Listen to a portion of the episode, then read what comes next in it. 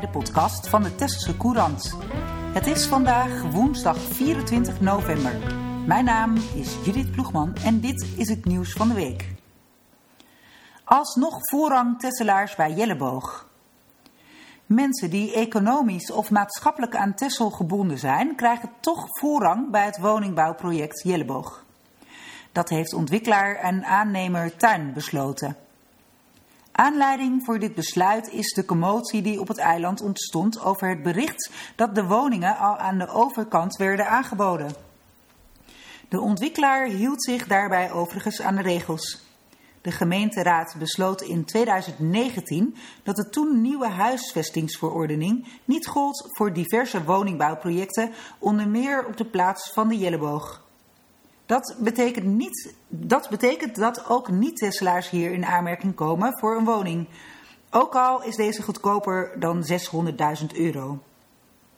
Met het besluit om Tesselaars bij de loting door de notaris voorrang te verlenen, hanteert Tuin nu dezelfde uitgangspunten als in de huisvestingsverordening. Het Thijssenhuis wordt duurder. Het college heeft de gemeenteraad gevraagd 8,5 miljoen beschikbaar te stellen voor de bouw van het nieuwe Thijssenhuis. Dat is 8 ton meer dan geraamd. Volgens wethouder Remco van der Belt is de stijging te wijten aan de gestegen materiaalkosten. Het verzoek van het college wordt volgende week dinsdag in de gemeenteraad besproken. Het beschikbaar stellen van het krediet is de laatste stap in een politiek proces dat al jaren loopt.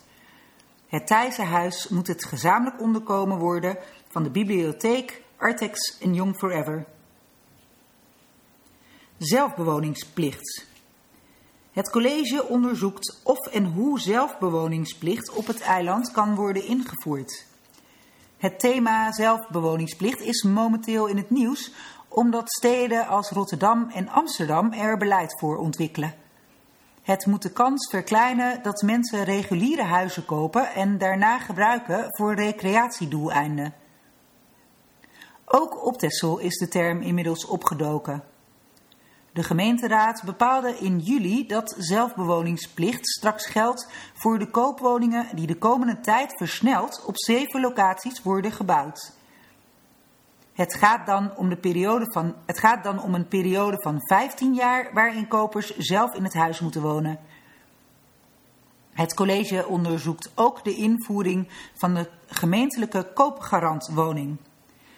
Hierbij verkoopt de gemeente een woning tegen een gereduceerde prijs. Zodra de koper de woning weer verlaat, komt deze opnieuw in handen van de gemeente. Die bepaalt vervolgens wie de volgende koper wordt. Ook de invoering van dit fenomeen zou een maatregel kunnen zijn in de strijd tegen de woningnood op het eiland. Ziekenhuis sluit operatiekamers.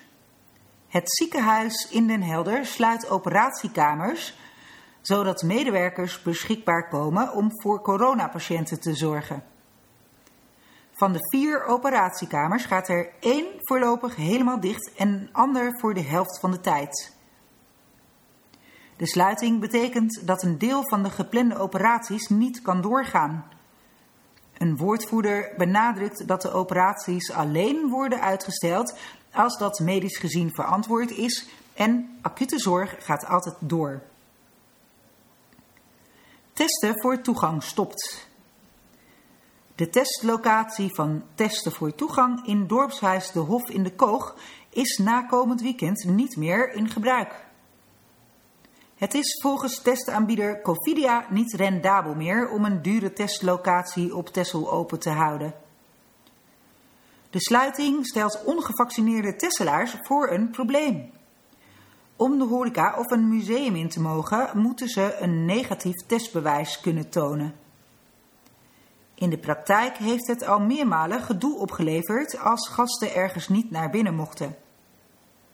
Een snelle oplossing lijkt niet voorhanden. De GGD-teststraat bij sporthal Odysseus in Den Burg blijft wel geopend.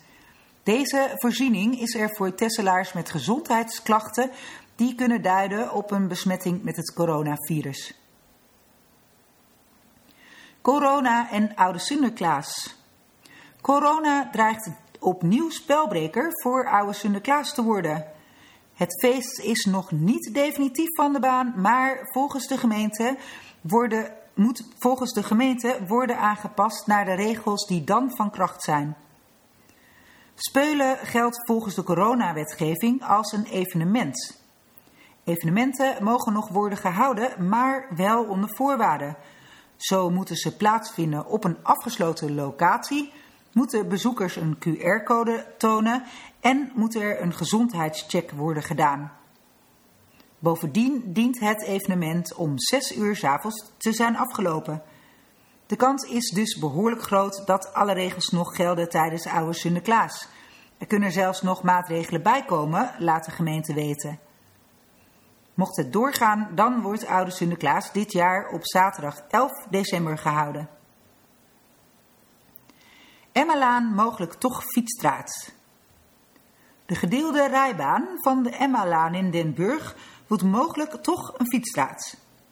Dat betekent dat een fietser daar voorrang heeft op een auto en dat auto's er niet mogen inhalen. Nu mag dat nog wel, omdat er formeel nog geen sprake is van een fietsstraat. Volgens de aanbevelingen van adviesbureau Antea Group hoeft de rijbaan geen fietsstraat te worden. Maar het college beslist nu anders. We zijn niet doof voor de geluiden die we horen, laat wethouder Remco van der Belt weten. Het voorstel gaat binnenkort naar de gemeenteraad. Run voor Kika Marathon. 150 lopers hebben zaterdag meegedaan aan de Run voor Kika Marathon. 70 atleten waagden zich aan de hele marathon, 80 waagden zich aan de halve. Samen liepen ze maar liefst 320.000 euro aan sponsorgeld bij elkaar voor de stichting Kinderen Kankervrij. Het was de eerste editie van de duurloop die startte en finishte op vakantiepark De Krim. Bedoeling is dit sportieve evenement elke twee jaar te houden. Er is ruimte voor maximaal 250 deelnemers. Mogelijk komt er over twee jaar ook een loop voor kinderen. Liam Witte Nederlands kampioen. Wielrenner Liam Witte uit Oosterend is zondag op de baan van Apeldoorn Nederlands kampioen ploegenachtervolging geworden. Op de teamsprint veroverde hij de bronzen medaille. De ploegenachtervolging reed de jonge Oostrenner met zijn teamgenoten van het regionaal trainingscentrum uit Alkmaar. Hij traint daar wekelijks met jongeren uit de regio. Liam is 15 en komt uit de categorie nieuwelingen, wielrenners van 14 tot 16 jaar. Afscheid Jan Drijverschool. De Jan Drijverschool in Den Hoorn wordt begin volgend jaar gesloopt. Komende zaterdagmiddag, 27 november, is er van 2 tot 4 uur de laatste mogelijkheid om de school te bezoeken en een rondje te lopen. Het afscheid wordt sober van opzet. Er is geen koffie, wel zorgt van Vaderkorps dek voor muziek. Bij de entree moet een QR-code of negatief testbewijs getoond worden. Op het terrein van de voormalige school worden in de nabije toekomst 20 huurwoningen van woontij en 12 koopwoningen voor starters en kleine huishoudens gebouwd. Hein Tjepkema overleden. Als Hein Tjepkema zich ergens in vastbeet, dan liet hij niet zomaar los. De agrariër, die ook wel Henk werd genoemd, zat in menig bestuur, niet zelden drie tot vier periodes achtereen. Zo was hij twintig jaar voorzitter van Rundveefokvereniging Tessel en tien jaar lang van de vereniging Veehouderijbelangen Tessel. Lange tijd ook was hij actief binnen de hervormde kerk van Den Hoorn, de Waal en de Koog. Hij was verbonden aan Cultuurhistorisch Museum Waalstee in de, Waag, in de Waal, Zorgcentrum Tessel, de Waalde Reisclub en het Tessels Christelijk Mannenkoor. Ook zat hij in het bestuur van het Amateurtje, de toneelvereniging waar hij speler en regisseur was. Voor zijn inzet voor de samenleving werd Hein Tjepkema in 2004 benoemd tot lid in de Orde van Oranje Nassau. Ondanks een hartinfarct, anderhalf jaar geleden, kwam zijn overlijden maandag 15 november toch nog plotseling. Hij werd 88 jaar. In de Tesselse Courant van dinsdag 23 november staat een uitgebreid in memoriam over hem. De Tesselse Courant verschijnt twee keer per week en staat steeds boordevol nieuws, reportages en achtergronden. Neem ook een abonnement op de lokale krant van Tessel. Kijk op www.tesselsecourant.nl voor de mogelijkheden. Bellen kan natuurlijk ook tijdens kantooruren op nummer 0222 362 600.